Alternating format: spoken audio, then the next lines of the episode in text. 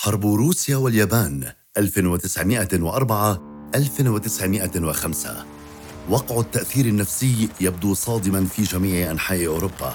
الدولة الغير قوقازية الأولى التي تنتزع النصر من أحد أقوى الدول في العالم ذلك الوقت. توصف هذه الحرب بأسطورة نهاية الرجل الأبيض وانتصار غير موازين القوى. طموحات إقليمية وسياسية واقتصادية لكلا البلدين اليابان وروسيا تظهر واضحة قبل إعلان الحرب. المياه الدافئة تثير رغبة روسيا ومطامعها وذلك بسبب تجمد موانئها لمدة تزيد عن ثلاثة أشهر في العام الواحد.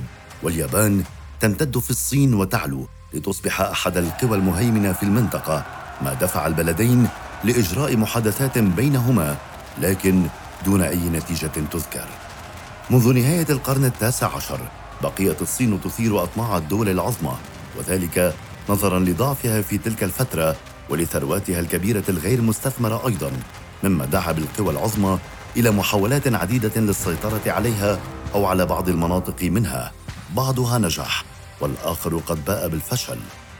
الأمر ذاته بالنسبة لليابانيين الذين رأوا أن الصين تمثل منجما للثروات لا ينضب.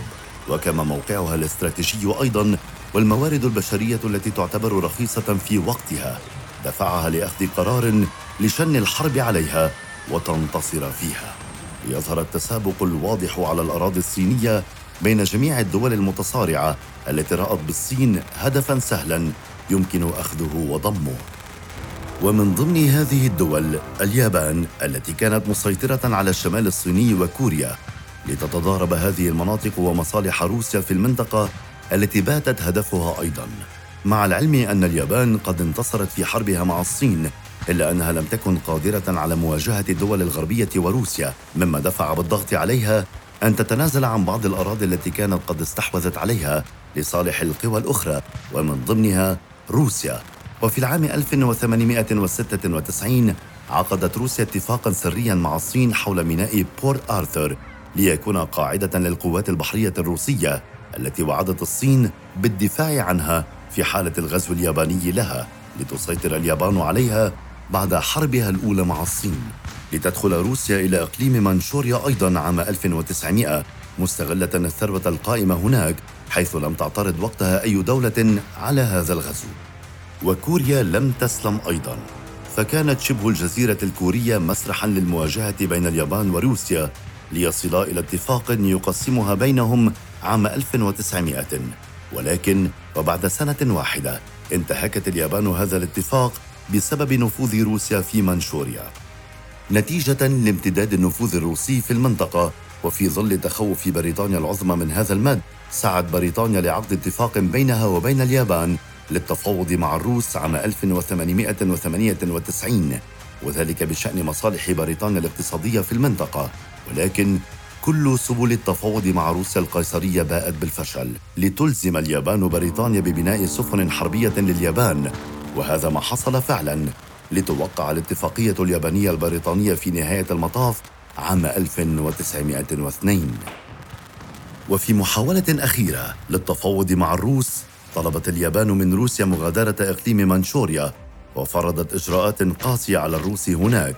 وبعد الاجتماعات التي بقيت مستمرة لمدة عامين قطعت اليابان العلاقات الدبلوماسية مع الروس عام 1904 ترسل روسيا بمئة ألف جندي إلى منشوريا لحماية مصالحها هناك في خطوة تصعيدية ضد اليابان لتقوم الأخيرة وبعد يومين فقط من قطع العلاقات باقتحام ميناء آرثر الصيني بشكل مفاجئ وغير مسبوق. وسرعان ما واصلوا التقدم هناك حيث كانت اليابان قد بدأت استعدادها لاستخدام القوة العسكرية إذا لزم الأمر لحماية مصالحها.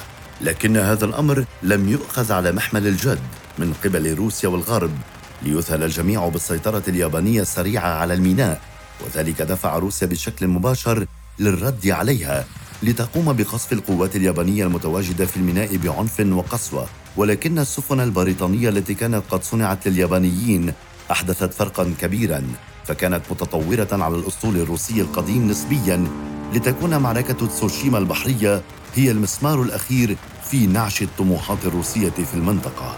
البطء في وصول الإمدادات للروس كان السبب الرئيس في خسارتها الحرب فالسكك الحديدية الممتدة منها إلى الصين طويلة جدا وبطيئة أيضا مما دفع بالهجوم الياباني المفاجئ أن يحقق أهدافه في السيطرة على الميناء والمدن القريبة منه. لتضطر روسيا بعد هذه الخسارة الكبيرة والمفاجئة إلى التفاوض مع اليابان وذلك بعد وساطة أمريكية من الرئيس الأمريكي السابق روزفلت. ويتم توقيع اتفاقية بورتسموث حيث قدمت روسيا التنازلات الكبيرة بسبب ضعفها وحروبها الداخلية.